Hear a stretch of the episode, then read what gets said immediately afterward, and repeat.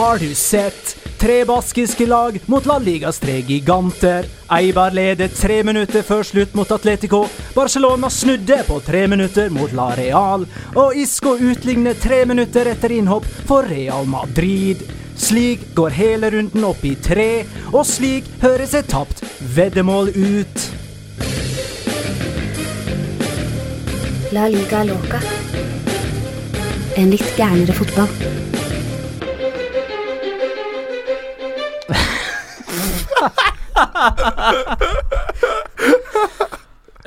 Å, det er så nydelig. Velkommen, velkommen til La Liga Loca episode 43 med meg.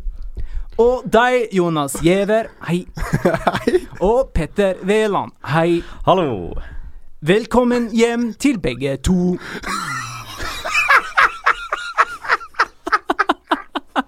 Takk. Tusen takk skal du ha! Fortell, har dere hatt en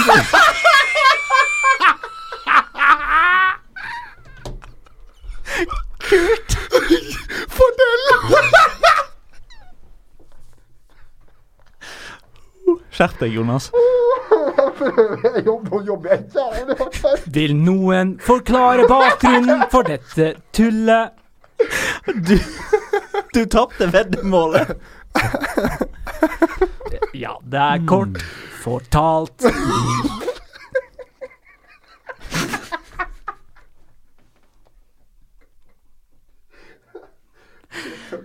OK, OK. ok Men nå må nå, Ok. Dere må fortelle bakgrunnen, for jeg vil snakke lite, dere skal snakke mye. Tippe, tippekonkurransen i La Liga Loca forrige sesong, der vi skulle tippe resultat og første målskårer og eh, litt diverse. Eh, og Magnar hadde jo som regel eh, type 6-2 og midtstoppere som første målskårer, i håp om å få eh, nok poeng til å kunne gå forbi på slutten. Men uh, han havna sist, og det var vel uh, lytterne som sendte inn forslag. Og det beste, uh, som jeg nå vil korrigere til verste forslaget, det var at Magnar skulle kjøre en sending på østlandsk. Det er umulig for meg å snakke østlandsk uten å gå inn i karakter. Jeg blir enten én, en korrespondent, eller to, en narkoman, eller tre, en jævla fet dude, liksom! Jeg går for alternativ én. Jeg vil gjerne ha nummer tre. Ja, jeg også, egentlig. Kan du blande Real Sociedad Barcelona 1-2! Fy faen! Nye Annoeta, jævlig fet stadion, da! Det går ikke. Vi kjører korrespondenten. Leo Loca skriver For en runde for Barca. Atletico, Valencia og Real Madrid spiller uavgjort, mens Barcelona vinner! Kjør debatt. Det var rundt. Åh, eh, ja, eh, nå har vi fått summa sitt her. Eh. Jonas, skjerp deg. Eh, nå uh, Ja, vi har jo vært på, uh, på rundreise. Har omsider fått kommet meg a jour. Sett kamper i opptak. fått lest meg litt opp hos Pedrito Nomados og Mr. Chip på litt statistiske fakta. For å ta hovedtrekkene da etter de første fire serierundene, er jo at Real Madrid og Barcelona gjør nesten akkurat sånn som de vil, mens alle de lagene som potensielt sett kunne være utfordrere, går på eh, snørra den ene etter den andre. Og denne serierunden her så var det vel jeg kommer selvfølgelig litt an på øyet som ser, men det var jo egentlig Barcelona og Real Madrid av eh, antatte topp sju-lag som hadde den verste eh, motstanderen. Altså De skulle til Baskaland begge to. Barcelona til nyåpning på Anueta, Real Madrid til, eh, til San Mames, og de får med seg fire poeng. Eh, men akkurat nå så, så ser det dessverre ut som at eh, Celta Vigo er det laget som har muligheten til å henge seg på topp to, i hvert fall i begynnelsen av sesongen. Sier vi nå, og så møter de Girona senere i kveld, mandag, og taper. Naturligvis. Sikkert, eh, ja. Har du lyst til å gå videre? Skal, vi- skal, vi- skal vi diskutere kampen, Magnar, for å eh, hjelpe deg litt på Vi kan først ta viktigheten av å ha en god keeper. Real Madrid møtte en god keeper, spilte 1-1. Atletico Madrid møtte verdens beste keeper og spilte 1-1. Barcelona møtte Geronimo Rulli. Det her er veldig, veldig bra. Ja, nei, altså Jeg um, har litt sånn som Petter prøvd å komme meg litt a jour i dag. Og det, en av de kampene jeg fikk beskjed om at jeg måtte se, var uh, Real Sociedad mot, uh, mot, Barcelona. Det er ikke noen hemmelighet at en av mine kjepphester er hvor elendig ræva Geronimo Roli har uh, klart å bli. Fordi han var jo på et tidspunkt en av verdens mest lovende keepere, mente jeg, og hadde et ekstremt høyt toppnivå eh, i Real Sociedad. Og, og, jeg trodde oppriktig talt at han skulle være den keeperen som skulle ta Argentina ja, etter eh, Sergio Romero, da. Men, men, han har aldri vært lenger unna enn det han er nå. og uh, altså Det er jo komikulpa Noeta. Det er greit nok at det er, at det er åpning, men um, altså, underholdningen burde være i form av godt spill, ikke en klovn mellom stengene for, for Real Sociedad. Og sånn som han holder på på begge skåringene, det er så det, altså Én feil kan skje, og den kan skje den beste, men to kardinalfeil er uh, Nei, det er, er skrekkelig, synes jeg, og det er trist for, uh, for Real Sociedad, som hadde uh, en vanvittig god kamp, synes jeg. Altså, de, de, virket som om de hadde lyst til å imponere første kamp på, på ny hjemmebane, eller på, på nyutbygget hjemmebane. og Uh, spilte en, hadde mer spillende stil. Da. De så mer spilleglade ut enn de kanskje har gjort tidligere under Garetane sesongen her, syntes jeg. Og, og hadde Barcelona i kne tidvis i den kampen her, og så det, skal det ødelegges på to altså ha, det, det, rare her er at han har én tabbe, og så har han en kjemperedning på et skudd fra Coutinho, rolig. Og så har han en kjempetabbe rett etter der igjen. Um, God på strek, dårlig i feltet. Medfører det riktighet? Det, det, medfører veldig eh, riktighet, ja. Uh, solid presisering der. Uh, men nei, altså Jeg skal ikke, gå, skal ikke snakke så veldig mye mer om, om Roli, annet enn at det Sånn oppriktig talt, det er, det er, trist at det har blitt sånn, mann, syns jeg. da. At uh, Jeg tror at Real Sociedad venter veldig på at Miguel Ángel Moya er tilbake igjen. og i hvert fall utfordrer han, slik at han kanskje må heve nivået sitt litt. Ja, altså Maja sto jo over de første kampene pga. skade, men nå sitter han rett og slett bare på benken. Men uh, nå blir det jo opp til uh, Asia Gaditano å, uh, å, ta det valget, da. Selvfølgelig i samsvar med, med Real Sotilads uh, keepertrener, som jo kom fra Real Madrid. Denne sommeren her, og det, det, trodde man jo at kunne gi eksempelvis Geronimo Rulli en opptur. da, At det kanskje er at dårlig coaching, veiledning på treningsfeltet kunne ha vært en medvirkende årsak, og at en, en ny mann inn, som jo helt åpenbart har uh, ganske mye å fare med, ettersom han hadde vært keepertrener i Real Madrid og vært med på den oppturen som Kelo Navas har hatt de siste fire-fem årene. Uh, og det så bra ut den første kampen mot Villarreal. Uh, og så uh, så det ikke så veldig bra ut mot Leganes. Og så så det ikke så veldig bra ut mot Eibar. Og så ser det ikke så veldig bra ut mot Barcelona heller. Og der blir han jo faktisk helt avgjørende òg, fordi fram til utligninga og eh, ledermålet, som blir seiersmålet, som kommer i løpet av fem minutter midt i andre omgang. Før det så ser jo Real Sociedad bedre. De har flere målsjanser. Ja, ja, eh, Juanmi burde ha skåra mm. både én og to ganger. Eh, hadde det ikke vært for at Marko Mitrovic, som vi skal snakke om litt senere, hadde en episk keeperkamp på Randa Metropolitano, så hadde jo Markanel Terstegen vært helt åpenbart inne på rundens lag. Mm. Men det er jo liksom det som skiller Clinton fra Veten, da. Og akkurat nå så er ikke Geronimo Rulli en keeper som er Real Sociedad verdig. Hva så med Barcelona? Langbein spør. Nelson Samedo og Sergi Roberto på samme lag. Sportslig selvmord? Spørsmålstegn. Nei, det, det, vil jeg ikke si. Uh, altså, Jeg mener jo at altså, Nelson Semedo er uh, den beste høyrebekken, syns jeg. Uh, og Sergio Roberto er bedre som indreløper enn som høyrebekk, syns jeg. men når man òg starter med Rafinha, så blir det, det blir litt for mye eksperimentering, uh, syns jeg. Men det er klart, de, de lykkes jo med det. Men, men, akkurat den kampen her, borte mot Real Sociedad, at Barcelona vinner den, det syns jeg er et statement. Det er av flere årsaker. jeg er klar over at de vant der forrige sesong, og da ble liksom barrieren brutt, men nå, men nå har de liksom gjort det igjen. Uh, det er en vanskelig bortekamp der de normalt sett sliter, og det er ett etter landskamper og før Champions League. Det pleier å være en verkebyll for eh, Barcelona, Real Madrid, eh, sikkert i andre ligaer òg. Akkurat der når man skal ta hensyn til hvem som har spilt landskamper, hvem som har reist masse, og så begynne en ny turnering der det alltid er viktig å komme godt i gang, fordi man har færre kamper å reparere eventuelle feil på. Barcelona starter riktignok hjemme mot PSV, der de er markant eh, klare favoritter. og Um, Busquets og ja. Coutinho inne på laget igjen? Ja, det er de nok på, uh, på tirsdag, for de starta jo på, på, benken i dag. Uh, så det um, Yes. Uh, jeg Ja. oh, jeg liker sånne innstikk. Et ord om Dembélé. Ja, matchvinner igjen. Det ble han mot Sevilla i Supercopa-finalen. Han ble det borte mot Valladolid, og han ble det borte mot Real Sociedad nå. Så egenhendig da i La Liga så har han skaffa de fire poeng. Uh, han har allerede nå, uh, i løpet av de første fire serierundene, skåra like mange mål i La Liga som han gjorde forrige sesong, på en 18-19 kamper. Og eh, vi, når jeg var i Champions League-studio i forbindelse med, League, nei, med, med, Champions League-playoffen for noen uker siden, så fikk vi beskjed om at vi skulle sette opp ei topp fem-liste av Champions League-spillere man gleder seg til å se denne sesongen. Nummer én på den lista for min del var Osman Dembélé. Pga. De, eh, på grunn av de glimtene man har sett av han på slutten av forrige sesong, pga. det man vet at han står for, eh, på det han viste i Dortmund og i Rennes.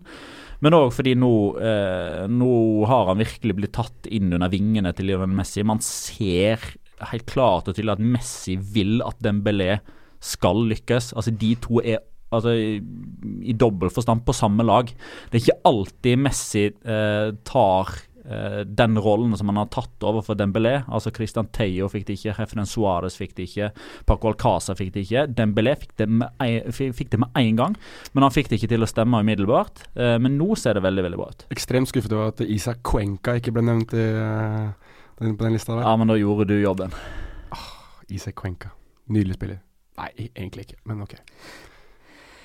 Det var da Atletic Bilbao som møtte Real Madrid, og det ble da 1-1 på San Mames. Det var en underholdende kamp i forhold til spill og sjanser. En god lørdagskveld i forhold til fotball. Eller hva mener du, Petter? I forhold til hva da? Underholdende kamp i forhold til fotball. Altså, eh, Atletic mot Real Madrid, det, det, blir nesten alltid bra, det. Eh, nesten uansett hva som skjer ute på banen. Eh, og i dag, eller på, på lørdag, så, så, så var det liksom den, den sto til forventningene sjøl om eh, Altså, jeg ble skuffa over Modric, som helt riktig ble tatt av etter 60 minutter. Jeg syns eh, Jolene Opetegi igjen viser huevos. Altså, er du ikke god nok, så spiller du ikke mer enn 60 minutter. Da blir du rett og slett bytta ut.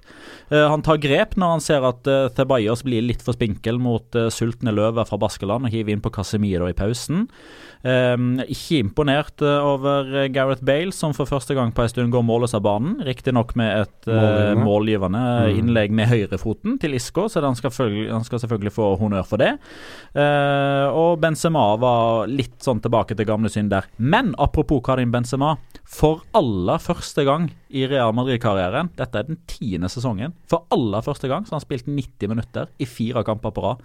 Og det er de fire første kampene til Julian Lopetegui. Er det ligakamper, eller er det Serie. Seriekamper. Ja, okay. Så det er seriekamper. Mm. Så det kan være han har spilt Nei, nei, nei. Med Champions League imellom, liksom? Nei, det har han heller ikke. Nei, ok. Ja, nei, men det er uh, Jeg, jeg synes det er litt interessant det du nevner om, om Modric. Uh, vi snakket jo tidligere om i forbindelse med Marcelo, at han tar ut uh, spillere Lopetegi som han mener at ikke presterer. Men Um, jeg synes det er litt verdt å i hvert fall slå en rød ring rundt Luka Modric nå. For nå synes jeg det begynner å Han ser sliten ut, synes jeg. Mm. Han ser ut som han er veldig, veldig veldig sliten og har spilt veldig, veldig veldig mye fotball.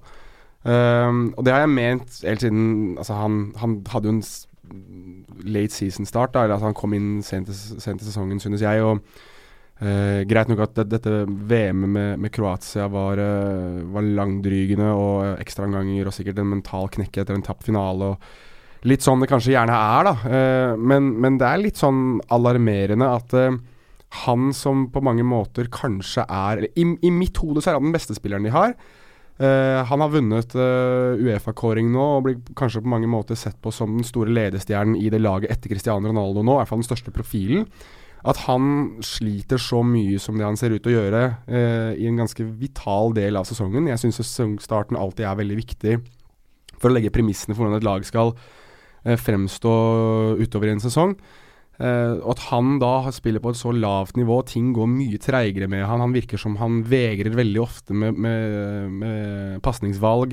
Der Modric før har vært den som har fått spillet til å gå kjapt, fått den til å sette tempo, så virker han nesten som han tviler litt på egne ferdigheter innimellom, og, og, og hvorvidt han uh, holder nivå tidvis. da. Uh, det er ganske skremmende å se på, spesielt for en kar som alltid har vært egendreven, på en måte. da. Alltid, selv om laget har kanskje buttet litt imot, så har han alltid vært eh, aldri dårligere på børsen enn en sekser da, av ti.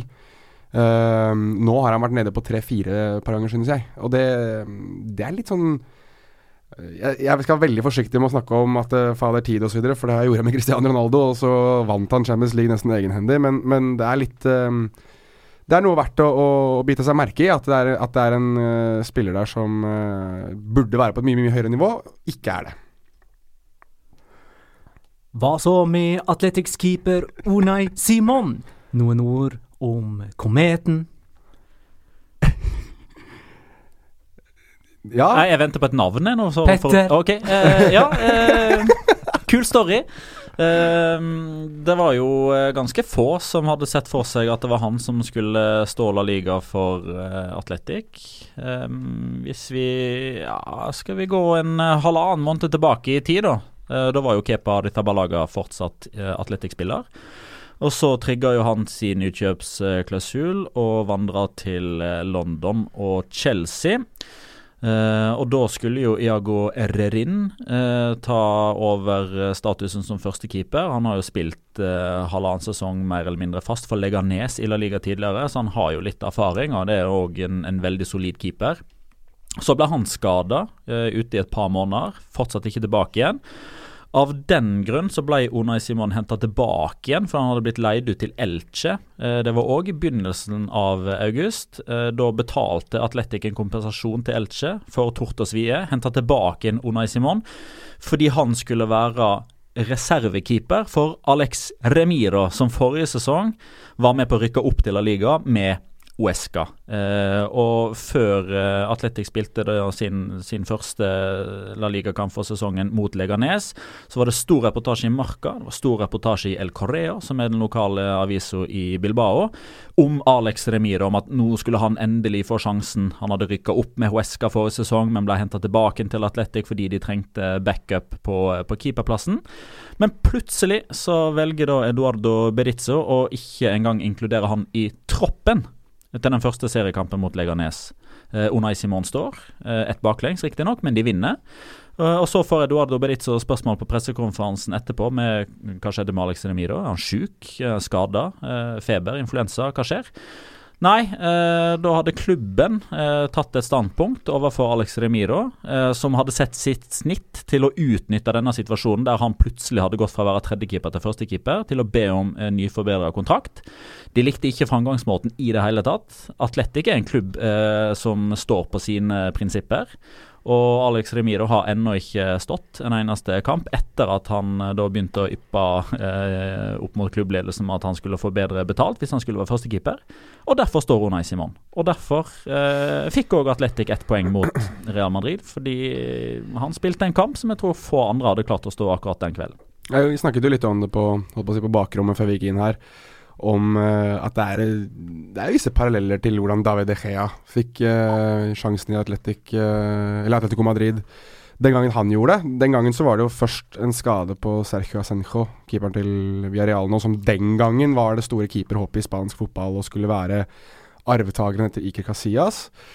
Så var Joel Robles Hadde vel en dårlig kamp eller to, som dessverre er litt sånn symptomatisk med Joel Robles. Og så var da Roberto utlånt, vel, til Saragossa, hvis jeg ikke husker helt feil. Uh, og da var det da fjerdekeeper, David De Gea, som skulle få uh, en sjanse. Og han så seg jo aldri tilbake, som vi nå vet. Så det hadde jo vært litt gøy, da.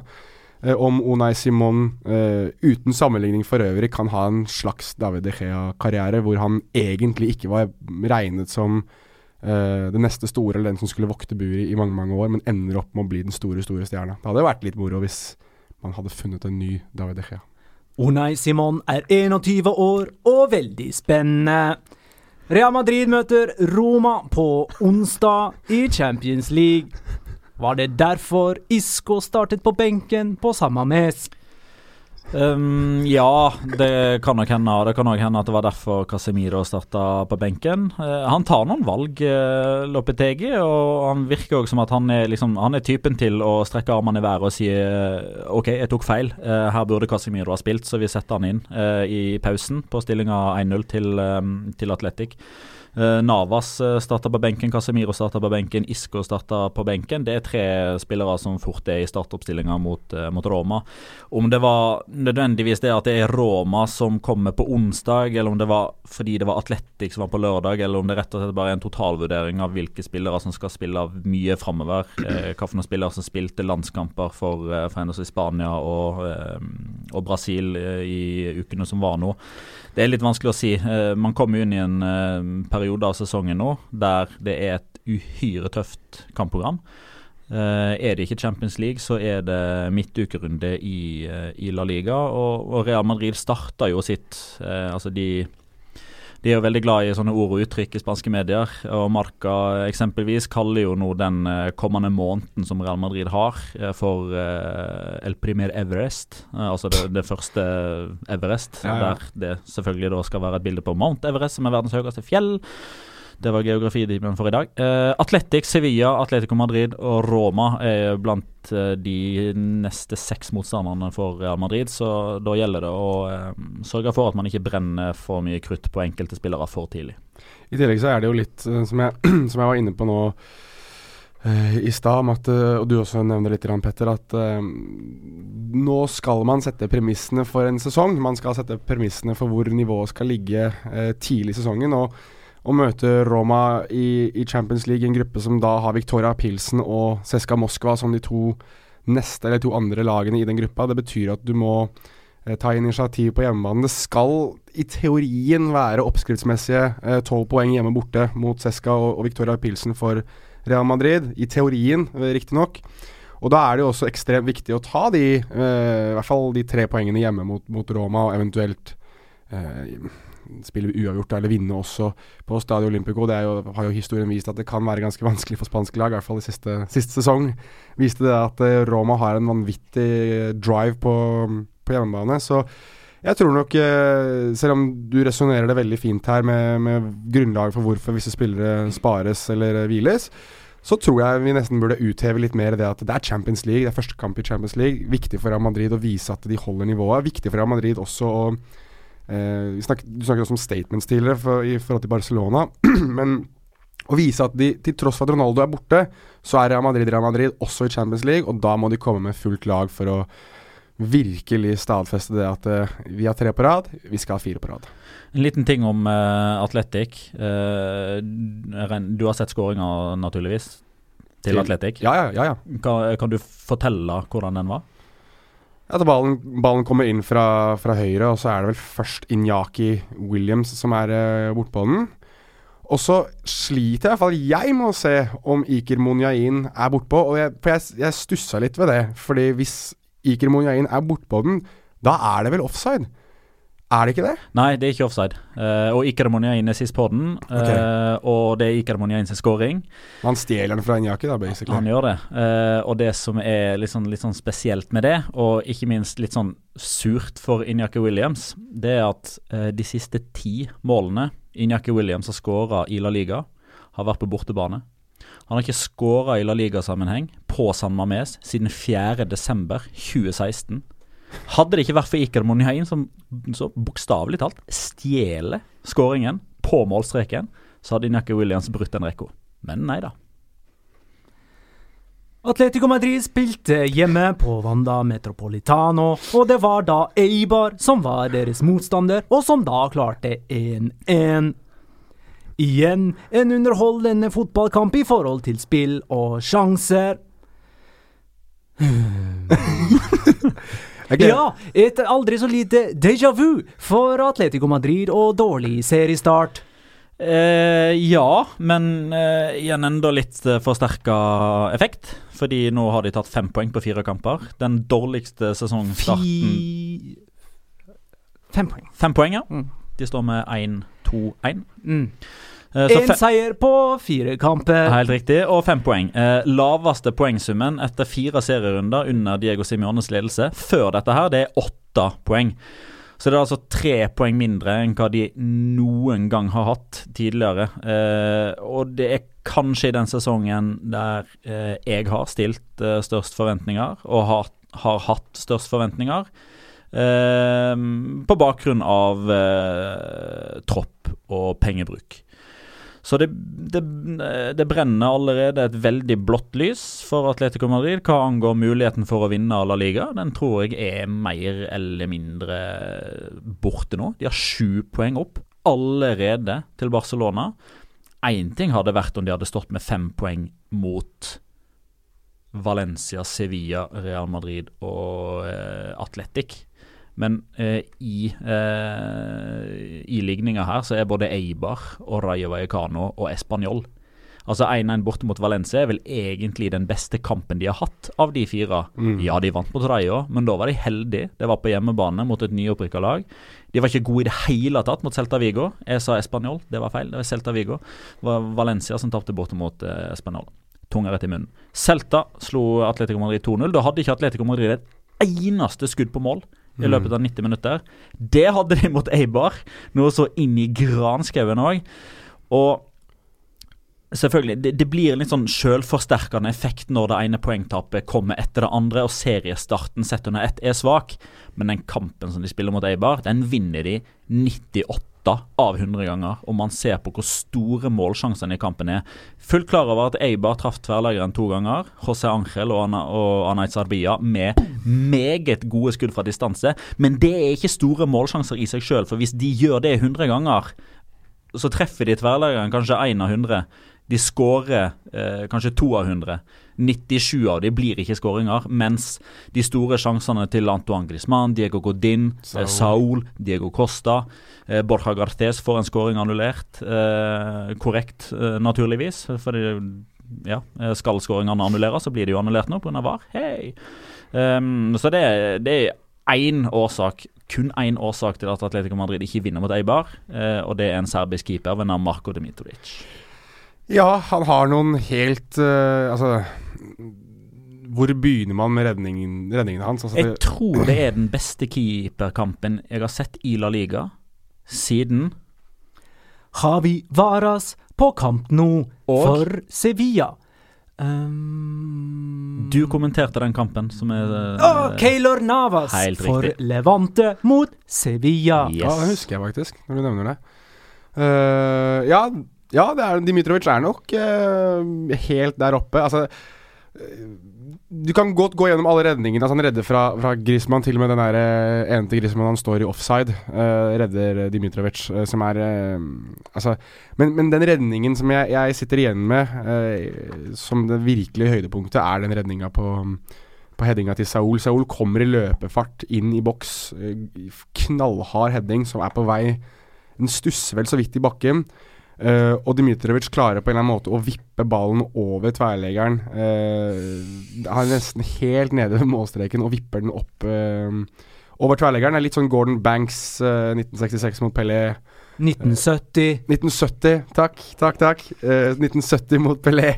Eh, Peter Schmeichel hadde vel en i Champions League i 97. eh, United mot Rapid Wien, som var veldig lik. Altså, det, var- det, det skal på mange måter ikke være mulig. Og hvis du klarer å redde den, så skal du i hvert fall ikke kunne slå den over tverrleggeren og ut uh, til dødballsituasjon. Uh, det er vel kanskje noe med det at uh, han ikke ser ut som Gargamel fra Smurfene lenger, og heller har uh, valgt å rake hodet sitt. Og um, ser ut som noe helt annet enn Gargamel, i hvert fall.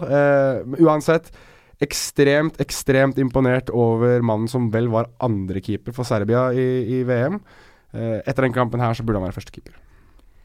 Eibar tok ledelsen tre minutter før full tid. Hvem utlignet så for Atletico? Det var Borja Garces.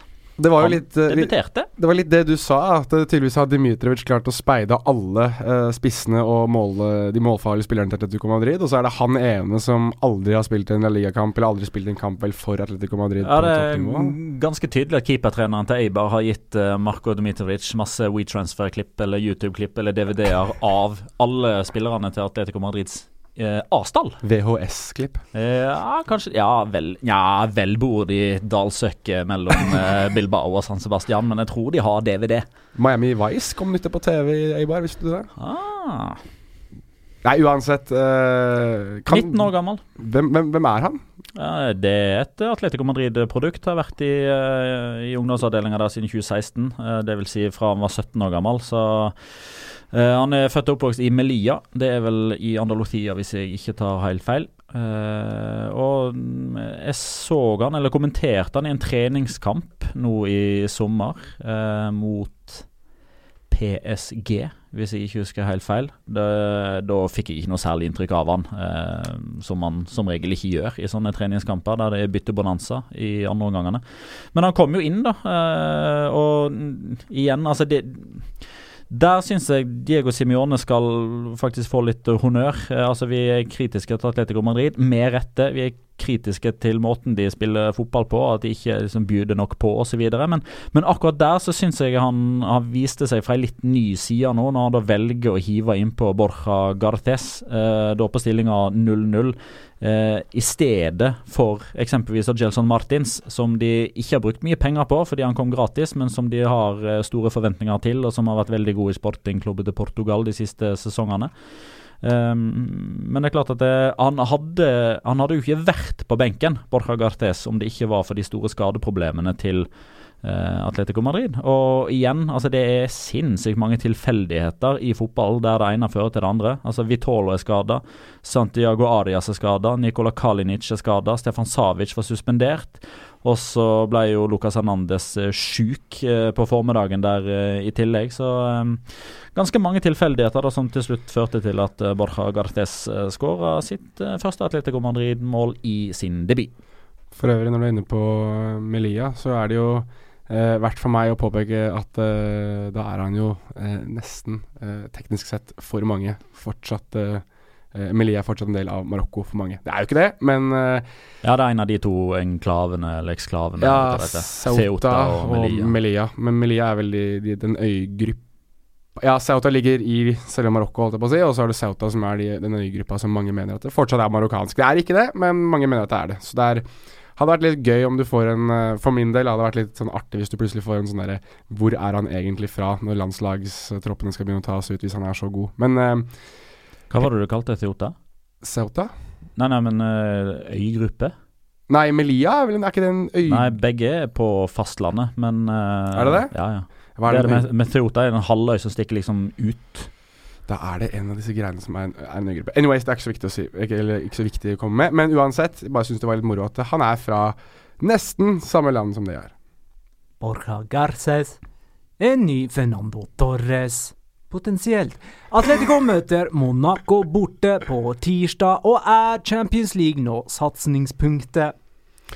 De starter i hvert fall Champions League-sesongen sin på en parkeringsplass da, i uh, et, uh, et, av de mest overdådige landene jeg noen gang har vært i. Det kan vi jo kan vi faktisk snakke litt om at vi faktisk har vært i Monaco nå og sett hvor, hvor dette laget her spiller. Det er ikke fotballbane, ass. Det er så lite fotballbane som du får det, det Monaco spiller på. Det er fotballbane, men ikke fotballstadion. Nei, ok, greit. Det er en fotballbane der, men det er ikke noe stadion. Det er, det er en parkeringsplass med en fotballstadion inni, inni seg et eller annet sted. Det er eh, Så det blir gøy for Atletico Madrid. Det er veldig varmt der og overdådig. Og kan jo, hvis de kjeder seg, så kan de stikke innom klubbshoppen til Monaco og få veldig hyggelig assistanse, men uh, det er uh, egentlig ikke noe, uh, noe som tilsier at det skal være et fotballag som spiller der. Nei, Det er ikke så mye å skryte av det de holder på med heller, Monaco. Altså Atletico Madrid sin sesongstart er svak, men det er jo òg Monaco sin. Altså De har ikke vunnet noen av de siste fire. Uavgjort mot Lille, tap tap mot Bordeaux, tap mot Marseille i eh, middelhavskyst-derbyet, eh, og 1-1 mot eh, Toulouse nå på um, på lørdag. Så det er to lag i, i dårlig form som, eh, som braker sammen på Stad Louis II. Det er litt uh, Altså, jeg skal ikke snakke for mye om, om Monaco, men Det er litt sånn symptomatisk når Nasser Chadli uh, starter for, for Monaco. Da har du ikke et godt lag, altså. Valencia Real Betis 0-0 og Sevilla Getafe 0-2. Jakob Berge spør hvem har størst problemer av Sevilla og Valencia? Jeg vil Jeg, jeg synes det er litt for tidlig å liksom peke ut en som har størst problemer, men, men jeg vil si at jeg synes det er litt uh, interessant å se at det er Valencia-supportere som nå mener at Marcelino må gå. Uh, at det kommer så tidlig i sesongen, det synes jeg er litt sånn småpinlig, men samtidig så har de jo Valencia kanskje mer enn, no, mer enn Sevilla for meg, da, har uh, gjennom spillekjøp og rekruttering og sesongen i fjor vi på en måte lagt, litt, uh, lagt lista litt høyere, da. At supporterne forventer mer av dem enn det de kanskje gjorde i fjor. At det, de, nå skulle de kanskje være med og i hvert fall gi et visst Hva skal jeg si for noe? Uh, vise at de kanskje har lyst til å prøve å utfordre for tittelen, da. Selv om de helt sikkert ikke hadde klart det. Men at de ikke står med en eneste seier. Det er vel tre uavgjort og ett tap på de første fire kampene for Valencia. Det er, det er Nummer 17 på tabellen. Ja, ikke sant. Så der du skulle hatt Petter som, og Hans Villarreal som nedrykkskandidat, så kan du kanskje ta mitt, mitt Valencia som uh, nedrykkskandidater i år, da. Uh, det, er ikke, det, er ikke, imponerende, men, men, det som Nå har ikke jeg sett hele den kampen her, så ærlig må jeg være, men, men jeg innbiller meg at det sikkert er litt, uh, litt det samme. At de,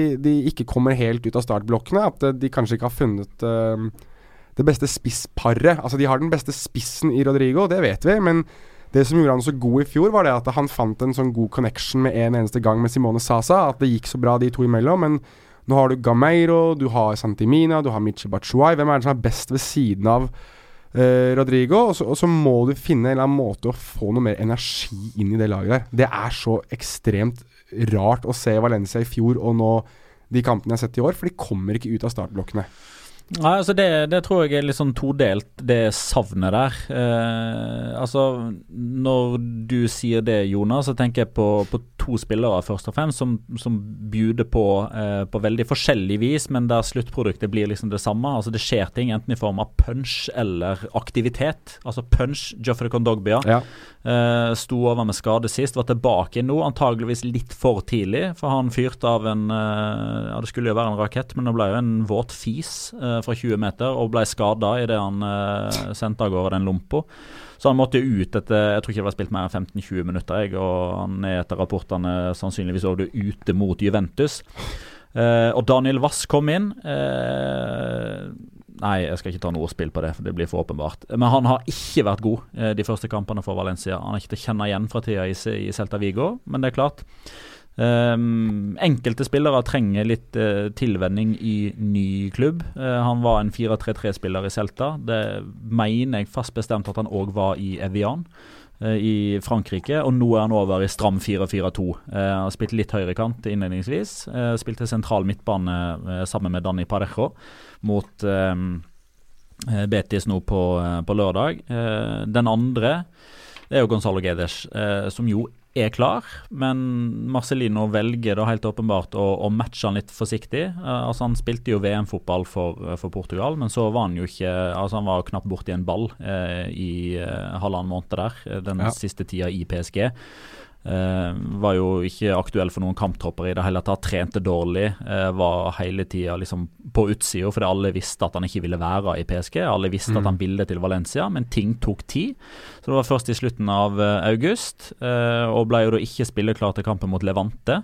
Og så var det landskamper, og så er han tilbake igjen nå og, og trener for fullt. Uh, så i og med Der er vi igjen tilbake igjen til dette kampprogrammet. Valencia hadde nå Betis, og så har de uh, Juventus på onsdag i Champions League. Og så er det tre seriekamper på, på åtte dager. Men de har ikke den fyren som får liksom ting til å gå opp i fyr og flamme. Altså De fyrer ikke på alle sylindere. Det, det, er et eller annet små, ja, litt smådødt dødt over de. Og den tredje mannen som jeg tenker på da, som veldig ofte kommer fra benken og bringer liv i kampen, det er Santimina. Mm. Han ble sittende i 90 minutter.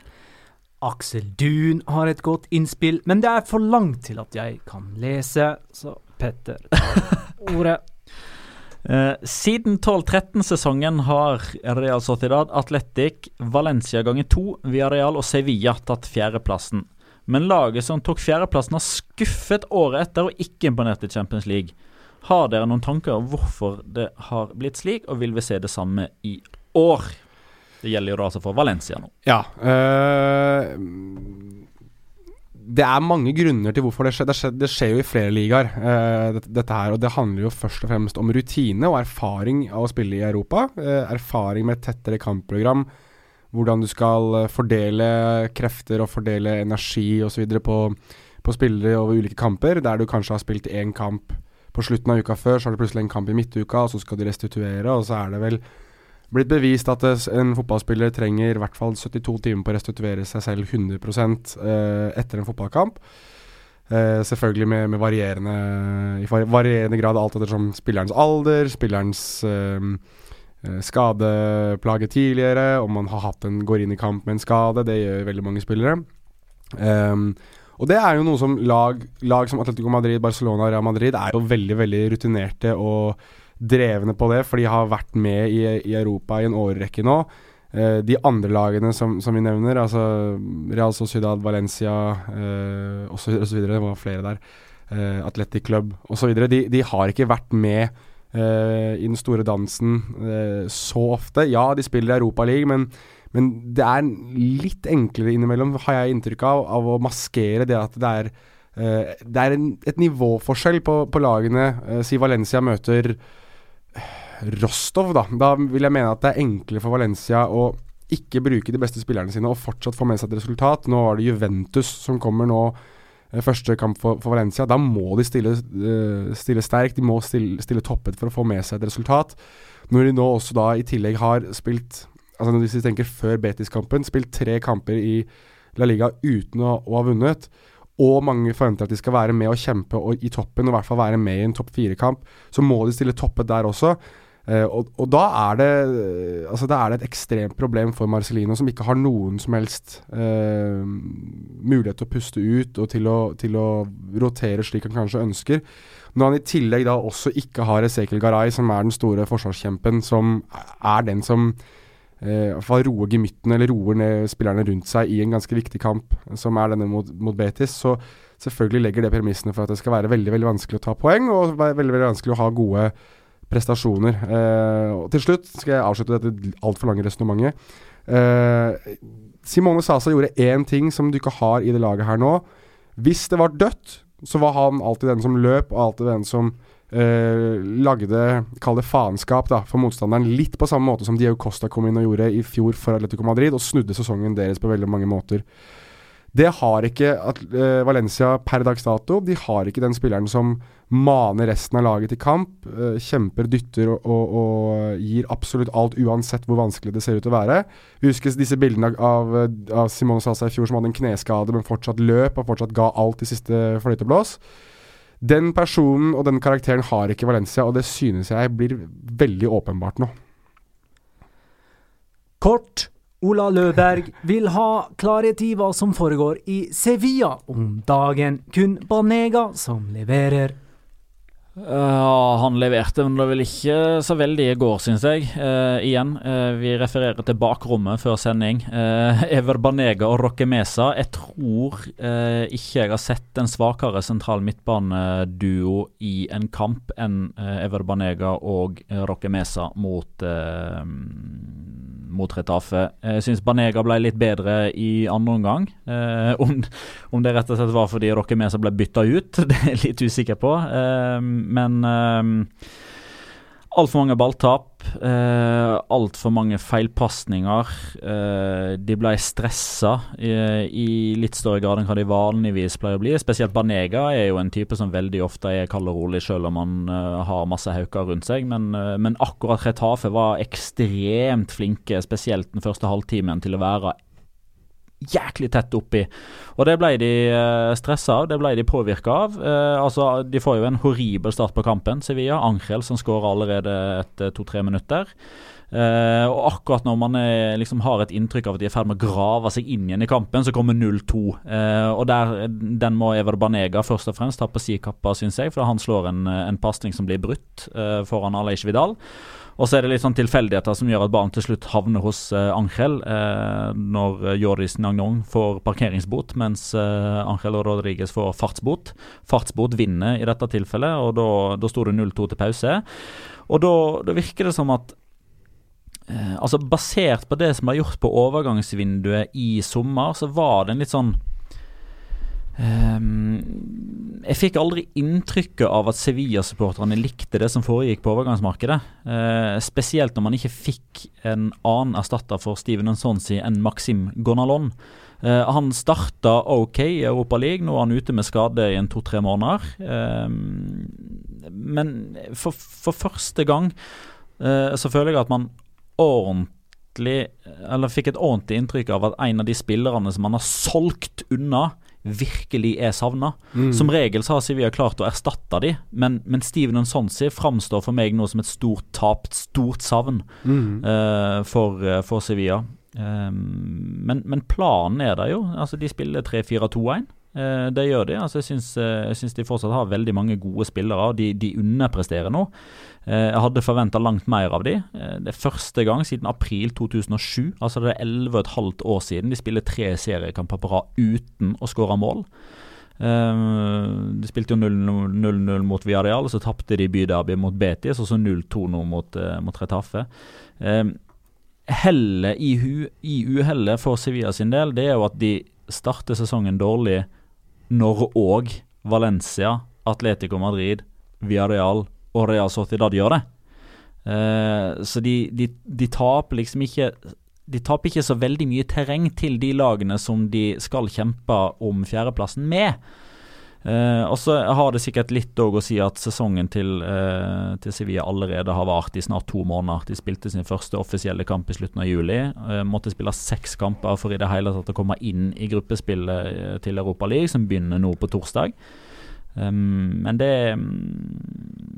Ja, Ja, også bare for å avslutte, det med, med at Sevilla-fansen liksom for første gang viste ordentlig misnøye med det som skjedde på overgangsvinduet. Det har de liksom de har de tatt med seg inn på stadion. Eh, det er fantastiske scener når spillerne går ut, når de står og synger Sevilla-hymnen a cappella med skjerfen over hodet. Men når kampen begynner, så er det litt sånn Det er murring, ja. ja. Det er murring. Og det er jo men jeg, men jeg synes, eh, for, for, å gå tilbake til den kampen her, vi har jo snakket om det i tidligere episoder også, at det, eh, jeg har i hvert fall følt at de har manglet, og det, de er jo tilbake til Steven Nsonsi, de har manglet den der fysiske robustheten på midten. Den ene personen som er bare naturlig større enn både Evi Banega og Rocky Mesa, som kan sparke litt rundt på de uh, andre midtbanespillerne de møter, for å sette de litt mer respekt, og kanskje gi de litt mer rom og uh, frihet framover i banen.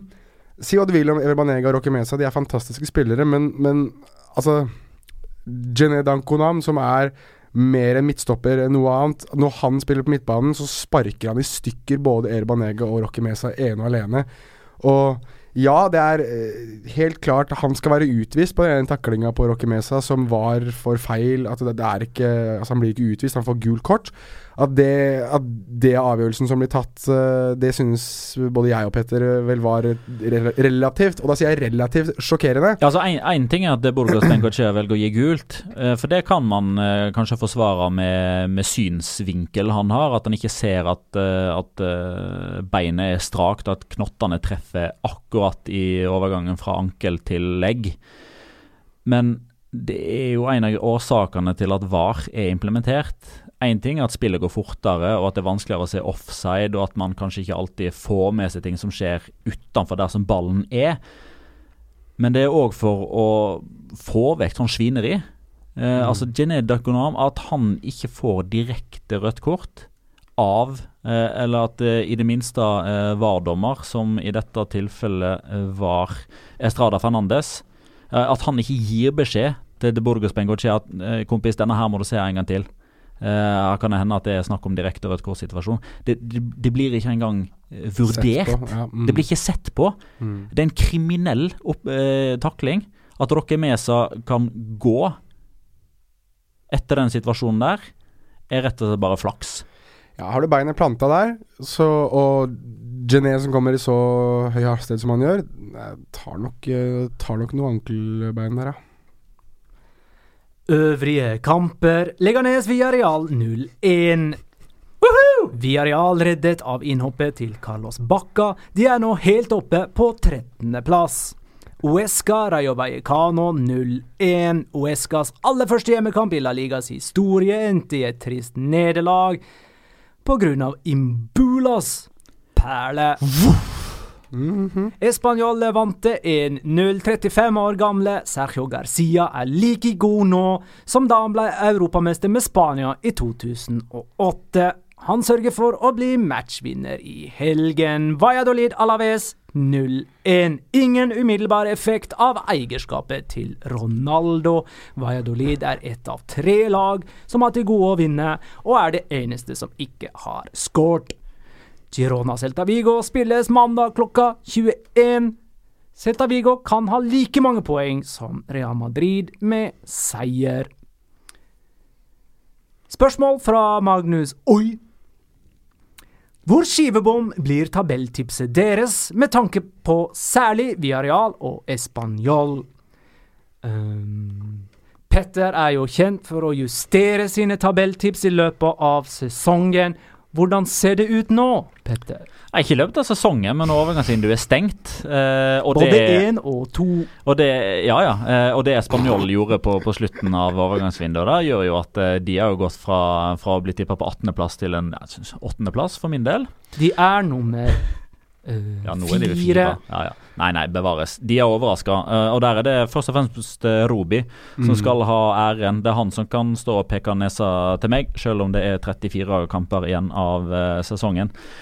endelig så har det blitt eh, Det er ikke sånn fryktelig gøy å se Spanjol, men det har blitt litt gøy. Eh, det var drita kjedelig under Kike Sanchez eh, Flores, og så fikk de en veldig oppsving på helt på tampen av forrige sesong, når Kike Sanchez Flores fikk eh, fyken og hans stedfortreder, B-lagstreneren, kom inn.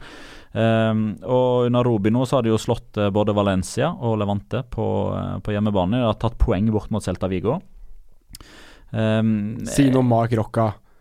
Ja, Det kan du få lov til å gjøre, siden du eh... Nei, men altså Ja, ja, fantastisk. Spørsmål fra Magnus Oi. Hvor fantastisk er, skråstrek blir, Mark Rocca? Det var der du hadde lest det, ja. Nei, jeg hadde ikke lest det der, men jeg har jo sett han i sesongåpninga.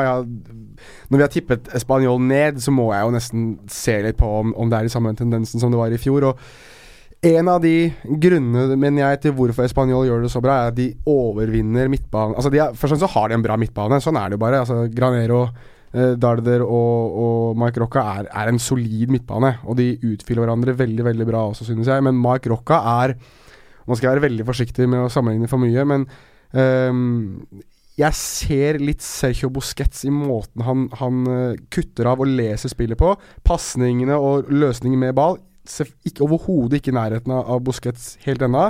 Men det er litt det å lese spillet og være alle i forkjøpet, er han ekstremt, ekstremt god på, synes jeg. Det er uh, Forflytningsevnen hans er ekstremt bra.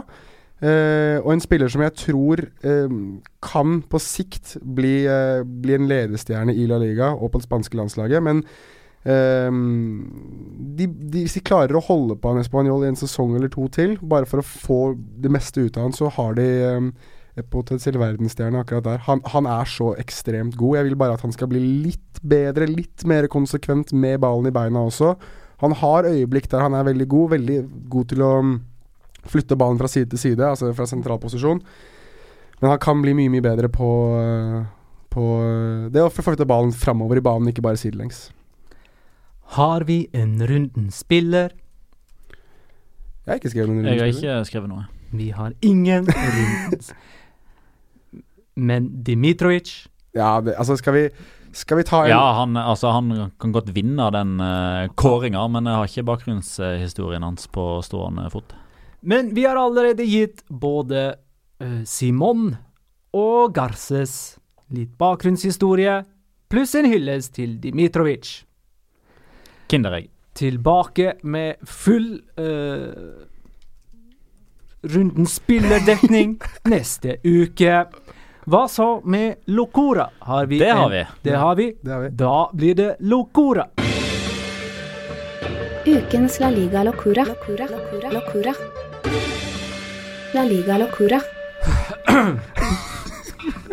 Nå er det på felgen, altså. Jeg begynner.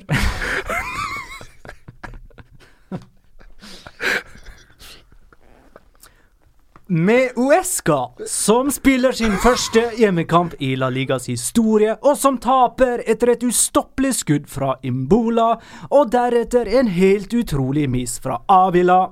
Ikke nok med at det var deres første hjemmekamp på øverste nivå, de tapte mot sin opprykkskollega, som attpåtil tok sine første poeng på denne måten. Neste. uh, meg eller deg? Du kan, eh, du kan fortelle det. Ok. Uh, egentlig bare eh, ja, litt sånn litt fun, uh, kanskje litt daff. men jeg fortsetter på ordspillene, eh, Jonas. Vi har jo vært på tur i to uker nå, du er sikkert drita lei. Men Leganes er jo tabelljumbo nå i, i La Liga. Mm. Det er andre gangen i dette årtusenet at Leganes ligger sist. eh, divisjon de ligger i. Eh, de trenes jo nå av eh, Mauricio Pochettino. Ja, mm. Eh, Pellegrino, beklager. Mauricio Pellegrino. Um, Der er, lov, der, er, der er det faktisk lov til å ta ja, ja, feil. Manuel Pellegrini, Maurizio Pellegrino, Maurizio Pochettino. Der er du. Ja, og han i midten, han er nå Leganes-trener. Han kalles El Flaco. El. Flaco er den magre, den tynne. Ja. Eh, I 2007-2008 da var de òg eh, tabelljumbo etter fire serierunder i eh, Segunda B. Eh, vet du hva treneren deres heter da? Det er vel sikkert noe El Flaco der også, men eh, jeg vet ikke hvem. Ah, hvis du snur El på det. Gordo, da? David Gordo. Ok, ja. Så to ganger har de vært tabelljumbo dette millenniumet. De har blitt trent eh, av den tynne og den feite ved de to anledningene. Men det er sånn ordspill som jeg synes er morsomt. Det er gøy. Takk! Akkurat det der er morsomt. Det skal du, den, den skal du få. Eh, den Den skal du få. Eh, Nei, det her, du kan ikke gjøre Altså Det er bra at dette her er sånn one-off-episode, for det her er Aldri igjen. Det er sånn blanding, blanding mellom korrespondent og den der Google-stemmen. Når du skriver inn noe for oversettelse, så får man det der. Det er eh, helt uh, makeløst. Men uh, Nei, altså eh, Min er, er egentlig sånn småkjedelig, men samtidig litt morsom for meg, da, synes jeg. Jeg har jo sett minimalt denne runden her, og det mm, irriterer meg jo grenseløst, for da pleier jeg å ha mer å velge i. Men, men jeg må nesten eh, uh, sende Locora Mint over grensa uh, i øst. fordi John Gudetti um, Han er jeg, jeg synes John Gudetti er en ganske undervurdert spiss, men jeg får ikke akkurat vann på mølla for det når han klarer å Han står på fem meter og skal egentlig bare heade ballen eller er innlegg fra venstre, og han skal bare banke den ballen i mål, på si, med hodet. Altså skal bare stange den i mål, kontrollert og enkelt. Men klarer på en eller annen merkelig måte å få den til å skli av hodet. Jimmy Avila hadde jo en, en kjempemiss, som du var inne på, Magnar. Men jeg synes nesten at uh, Guidetti sin, sin miss går den en høy gang, rett og slett fordi han, altså det skal ikke være mulig å heade utafor der. Altså, du, han får den ikke på mål engang. Ehm, og Gretti har hatt en, histor en historie med å bomme på kjempestore sjanser. Han hadde en på Old Trafford også. Denne her er enda verre, syns jeg. Så um, John Gretti, veldig kul sang, veldig kul uh, personlighet. Og virker som en ordentlig uh, humørspreder, men uh, de der er ikke bra. Der har du Gretti-sangen. Den må du nok kutte før vi blir tatt av Spotify. Seks sekunder, det er lov. Det bør være lov. Vi er tilbake neste uke. 100% Da er Magna tilbake igjen. Da er eh, Skal vi ikke se fram til neste runde, altså? Hva skjer? Nei, du, er, du pleier alltid å, å se fram til enten uh, runden som kommer, uh, eventuelt Champions League. Skal vi plukke ut uh, noen høydepunkter? Litt morsomt er det kanskje at Barcelona møter Girona. Det motsatte oppgjøret vil jo bli spilt i Miami etter alle solemerker. Ja, det har de har, Men hva skjedde der? Det lurer jeg litt på, fordi vi har jo Det var mye rart som eh, ble rapportert eh, da vi var på tur rundt omkring i Europa, Petter. Hva er det som egentlig er Fordi de begge, de begge klubbene har blitt enige om å spille den kampen. De har søkt det inn til RFEF, men La Liga er imot det, og flere av klubbene er imot det, deriblant Real Madrid. Er det sånn Har jeg forstått det riktig, da? Nei, La Liga er ikke imot det. La Nei. Liga er jo pågangsdriveren. Det er de som har inngått avtalen med uh, dette amerikanske selskapet for de neste 15 årene. Er Der- det RFEF da som er uenig? Uh, RFEF har ikke tatt stilling til det. AFE, uh, altså Spanias svar på NISO, er kraftig imot det. Spilleforeningen. Spilleforeningen. Ja. Ok. Eh, samtidig så må jo både Uefa og Fifa både konsulteres og godkjennes. Eh, MLS må, eh, må godkjenne det. Eh, så det, det er fortsatt veldig mye arbeid. Det er fortsatt veldig mange bekreftelser og godkjennelser som, som, som må til for at drømmen til Javier Tebas skal gå i oppfyllelse. Girona de er veldig positive til dette. Jeg syns det er ganske naturlig. Skal først en La Liga-kamp spilles i Miami, og lille Girona får lov til å være med på det, så er det en gedigen mulighet for de.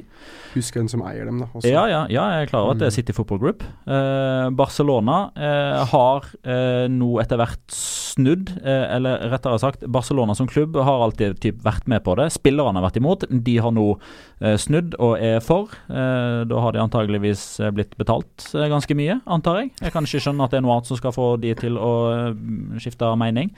Men det er jo litt sånn Altså, det er så La Liga-isk at det er da to lag fra Catalonia som sendes til USA for å representere den spanske serien. You just couldn't make this shit up. Uh, og nå som straffen for forrige sesongs tippekonkurranse er gjennomført, er vi kanskje tilbake med ny tippekonkurranse fra neste uke. Ja, Skal vi kanskje tippe nå, da? Nei, fra neste uke. Andre kamper det er verdt å nevne, er um, Villarreal Valencia. Nedrykkskampen? Nedrykkskampen. Um, Var det, var det ellers mye. Real Betis Athletic Klubb er også fin. Søndagen er den beste dagen. Tusen takk for innspill og spørsmål, og hvis du fortsatt lytter, kjære lytter, tusen takk skal du ha.